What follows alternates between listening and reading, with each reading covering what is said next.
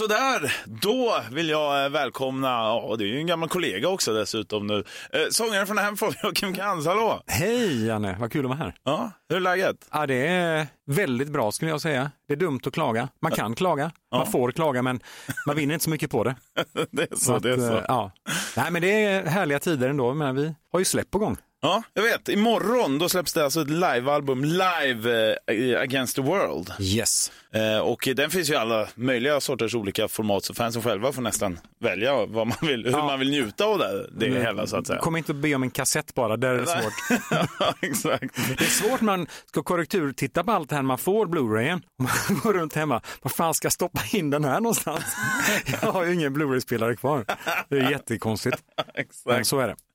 Eh, Men ni hann ju spela in det här mer eller mindre faktiskt precis innan allting stängdes ner, eller hur? Var det Med så? andan i halsen. Ja. Vi hann ju avsluta våran Europaturné förutom då Sverige och Danmark. Så det här var ju planerat att vi skulle spela in under turnén. Så att inspelningen gjordes den 15 februari i MHP Arena i Ludvigsburg. Och sen två veckor senare så började allting stänga ner. Ja. Så det var ju verkligen i sista sekunden. Och det innebar ju att vi skulle ju släppt den här i september i samband med Nordamerikaturnén som skulle pågå just nu. Eh, men i och med att allting ställdes in så beslutade vi oss för att lägga ner väldigt mycket tid och kraft i att göra Blu-rayen speciellt då riktigt jävla bra. Och även mixen blev ju magiskt bra som Pontus gjorde då på, på musiken. Så att vi vill ha en, en stark produkt där vi kunde Ja, Nu visste ju inte vi att det skulle hålla på ända in på hösten som det gör nu, men nu får man ju nä- nästan the real deal om man vill gå på en livekonsert. Har du en vettig tv och schysst ljud, ja men då är det som att du står där mitt i MHP Arena i Ludvigsburg och får uppleva någonting live. För vi valde ju tidigt också att eh, inte vara med i den här livestream-hypen som kom då, galenskapen nästan, för helt plötsligt skulle alla börja sända live. Även de som inte hade planer på att vara ute på turné. Ja men vänta lite nu, nu måste vi ju synas. Och det funkar ju i två, tre veckor och sen såg man ju ett jättetapp. Och idag är det ju nästan inga pengar i det här med livestream. För live betyder ju någonstans att du spelar på riktigt framför en riktig publik. Mm. Och tar du bort publiken, ja, då är det inte mycket kvar. Då är det svårt att tända till. Det är väl som att sända live-radio fast du vet att ingen lyssnar. ja. Försök låtsas vara lite entusiastisk, sitta hemma, ja, nu ska jag göra ett fake radioprogram här på, på 60 minuter. Ja. Nej men livestreamen funkar ju ett par låtar, om du gör en show av det, då tycker jag att då, då funkar det. Det är som att spela live i en tv-program. Ingen vill väl se ett band spela i 90 minuter i uh, Hylands hörna. Nej, men så är det ju. Men det kan ju inte ersätta liksom en livekonsert. Kommer Nej, aldrig kunna göra. absolut inte. Absolut inte. Även om jag förstår, jag vet vissa i början där som sa liksom, ah, fan vad skönt, nu kan jag sitta ner i soffan utan trängas massa folk och uppleva det. Men det blir inte samma sak liksom. Nej, det blir ju inte det. Sen kanske det, det kommer sluta med att, som, som jag tror att eh, de flesta banden blir mer internationella. Det vill säga att de kanske inte turnerar runt hela jordklotet hela tiden, utan att om vi band som befinner oss inom EU kanske får fokusera mer på den lokala marknaden i Sverige och inom EU. Och då väljer att livesända en riktig konsert ifrån ett stort gig i Tyskland, Schweiz, Prag, Göteborg, Borås, Ja, you name it. Och sänder till de länderna dit vi kanske inte kommer lika ofta då. Där funkar ju en, en, en stream, för då är, är det ändå en riktig konsert som livestreamas. Men eh, tillbaka till det här släppet då. Hur, hur, eh, liksom, det känns ju lite som att det är bra tid att släppa just ett sånt här livealbum. Där hade vi ju tur, Ja. skulle jag säga. Ja, för det var ju inte planerat, alltså det var ju planerat att ni skulle släppa det ändå, men inte att det skulle komma en pandemi. Nej, vi la inte in det i ekvationen där när vi, skulle, när vi bestämde oss för det här. Nej, vi ville ju, i och med att det här var den största turnén som vi eh, någonsin har gjort då, för Hammerfall är ju idag ett större band än vi någonsin har varit, och åker ut på en turné med två lastbilar, två turnébussar, en enormt stor scen, då ville vi ju på något sätt för, alltså föreviga det här. Och då beslutade vi tidigt, vi gör en, en liveplatta, en live Blu-ray och la, alltså det var en ganska stor budget vi hade på det här och då gick ju nästan 97 procent till alla kamera kamerateamet med två OB-bussar som står utanför eh, arenan i Ludvigsburg så det såg ju också jäkligt fett ut. gjorde det. Sen att de klippte som eh, hösäckar, det kan jag inte riktigt, eh, ja, vi fick ju klippa om det sen, vi höll på ganska många månader och, och stöta och blöta. De tyckte att ja, men vi ska, det ska se ut som en modern video. Ja, men det är ju också kul i fem minuter, snabba klipp. Men titta på snabba, snabba klipp i en timme och 45 minuter. Då är du strob, stroboskop, stroboskopskadad efteråt. Då. Så att, eh, nej men, så planen, den, den, fanns ju där och det var mest för att bara för, föreviga den här turnén som, som vi kände att nu tar vi ett stort steg upp då. Så det här måste vi visa då för eh, ja, men, länder som USA, Kanada, hela Sydamerika. Vi kommer dit och spelar det på en, en, en skön nivå men det är ändå snäppet under där vi är i många länder i Europa. Mm. Då kan vi också visa att det det, det om ni fortsätter att supporta Hammerfall i Nordamerika, ta med era polare, vi gör det här större och större, vi bygger och bygger och bygger, då kommer vi en vacker dag kunna presentera den här typen av show även i de här länderna. Så det blir också ett sätt att visa upp det här, ja, det är så här det funkar. Fattar, ja. Men, men hur, kom, hur, väljer man liksom arena för en sån här grej? I och med att vi är på olika nivåer i olika länder så fick vi kolla in då de länderna vi vet vi har de största arenorna i då. Så då stod det väl någonstans mellan eh, Ludwigsburg eller i eh, Forum Karolin i Prag. Mm. som också har 4 500 kapacitet och som är lämpligt för det här. Men då fanns det läktare i Ludwigsburg och just Ludwigsburg ligger nära Stuttgart som är väl den starkaste delen i Tyskland för just Hammerfall och våran typ av musik och lite enklare också kanske jobba då med ett, ett tyskt crew just med, med språkbarriärer och sådär. Valet föll sig ganska enkelt skulle jag säga på att lägga det just där. Du som sångare då i bandet, måste du tänka på någonting extra eller eh, vara noggrann med något eh, speciellt, alltså när det spelas in så här? Det är väl bara att dra in magen. Som att se tjock ut. Dra in magen så jag kommer fram och förbi. Nej, men jag gjorde väl det här klassiska misstaget som man alltid gör, som du säger till dig, alltså som du påminner dig själv om att du inte ska göra när du går på. Det är att gå nu inte ut och tokkör de första tre låtarna för att se att den röda lampan lyser. Något mm. som är ganska vanligt. Det är det man gör om man gör en tv-inspelning. Då är det typ en, två, max tre låtar. Då kan du köra slut, det är ingen fara. Sen ligger du helt, du får syrgas efteråt. Ja. Och det kände jag någonstans här efter eh, låt tre att fan, nu börjar jag bli ganska trött redan, så nu får jag ju backa lite och hålla igen. Ah. Så du måste ändå alltså, portionera ut energin under de här 1.45-1.50. Mm. Nu har jag inga större problem så, för jag har ändå ganska god fysik, bra kondition och det hjälper mig väldigt, väldigt mycket när jag står när jag är på scen. Då. Ja. Oh, Sen har du, alltså det stora problemet är ju ändå att när lampan lyser, du ska ha ett mellansnack med tyskar, du ska prata så de förstår på ett språk som inte är deras modersmål och som inte heller är mitt modersmål. Mm. Och jag, då vill jag inte framstå som en eh, korkad eh, frontman här, en eh, primadonna eller kalla mig vad du vill då. Men då börjar man ju direkt snubbla på orden och säga tokiga saker. Och du vet ju, ibland vet jag inte ens vad jag har sagt själv.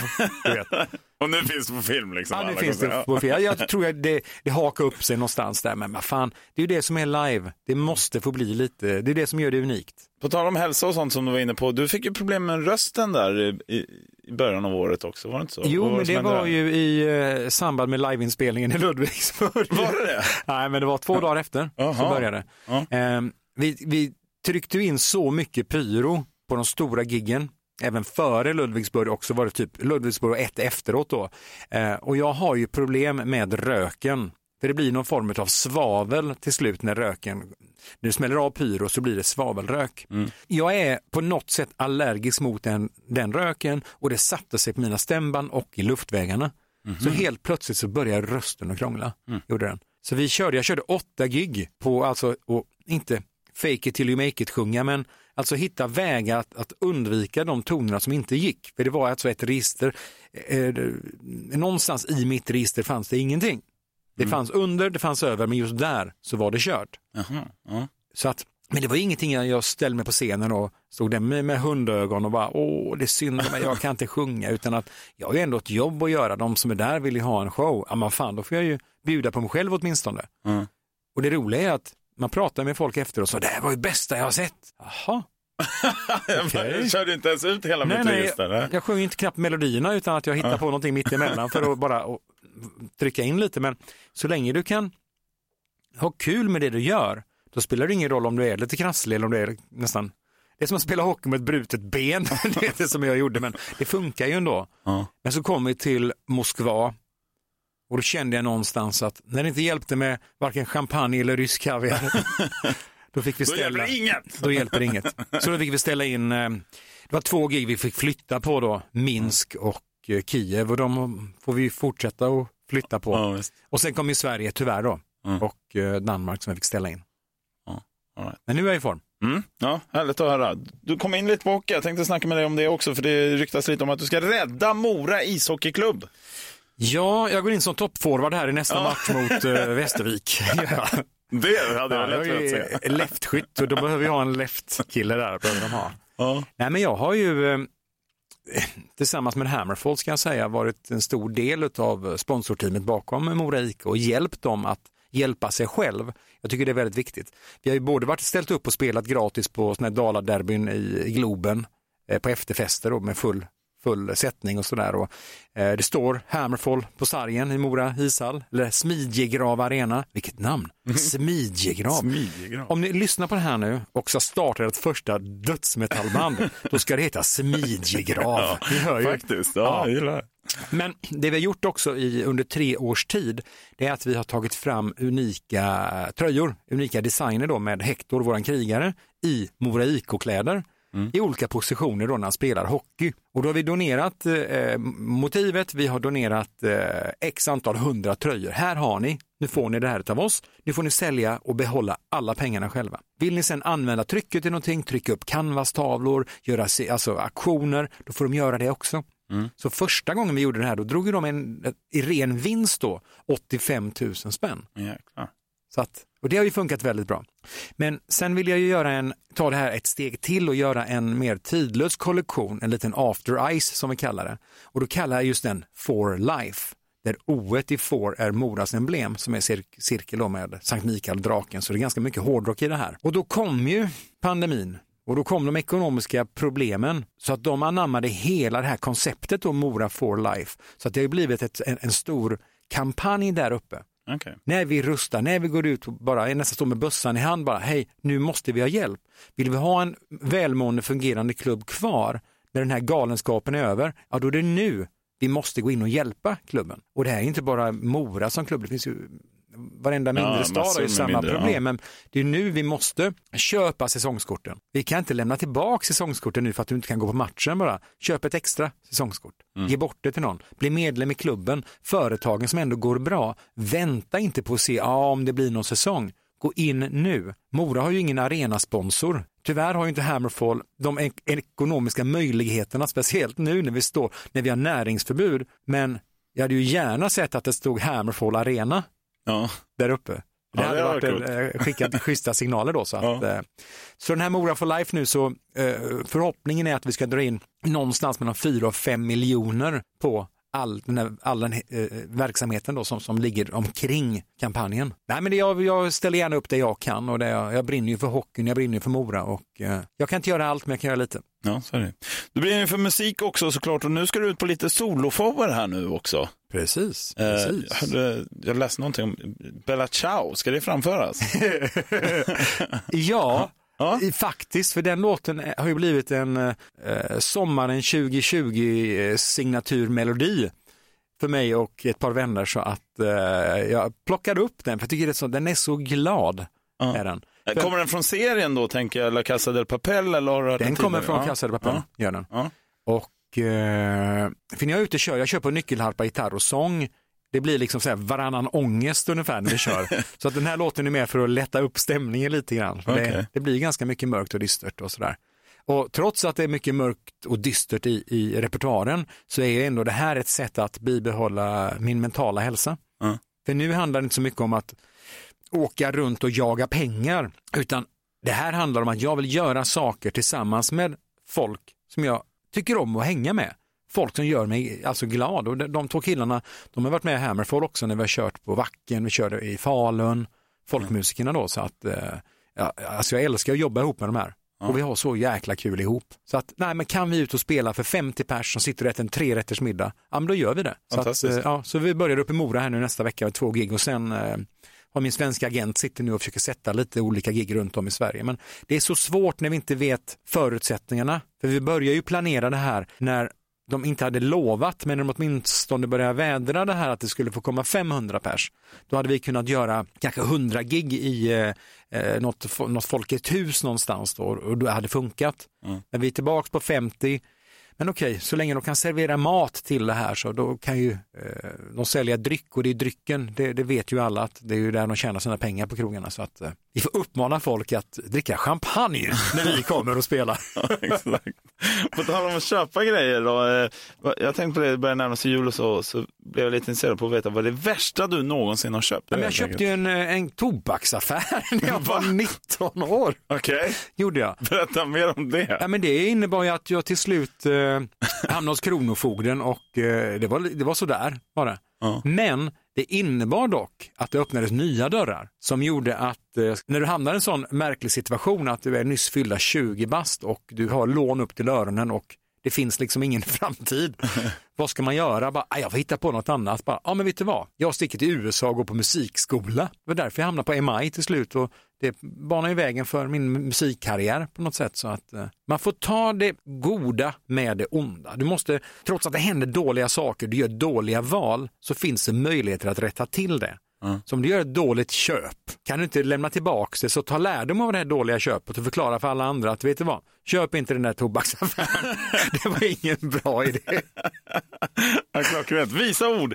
Avslutningsvis då, det släpps ju imorgon då live Against the World, men det blir också lite releasefest på Bröderna Olssons en shot för de som är i närheten av Stockholm. Eh, det lär väl vara slutsålt i så det kommer inte in fler folk där inte. Tror jag. Nej, jag vet inte hur mycket de tar in där, men i och med att jag inte uh, får ta upp mikrofoner och börja sjunga, då får jag skicka ut lite folk först.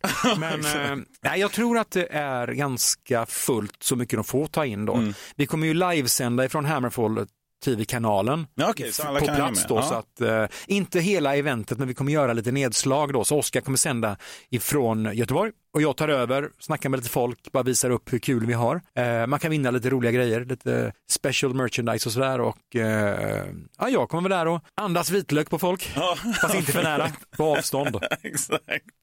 Ja, men jättebra, tack så jättemycket för att du kom hit. Ja, men tack själv, jättekul att vara här igen. Ett poddtips från Podplay. I fallen jag aldrig glömmer djupdyker Hasse Aro i arbetet bakom några av Sveriges mest uppseendeväckande brottsutredningar går vi in med hemlig telefonavlyssning och, och då upplever vi att vi får en total förändring av hans beteende. Vad är det som händer nu? Vem är det som läcker? Och så säger han att jag är kriminell, jag har varit kriminell i hela mitt liv men att mörda ett barn, där går min gräns. Nya säsongen av Fallen jag aldrig glömmer på Podplay.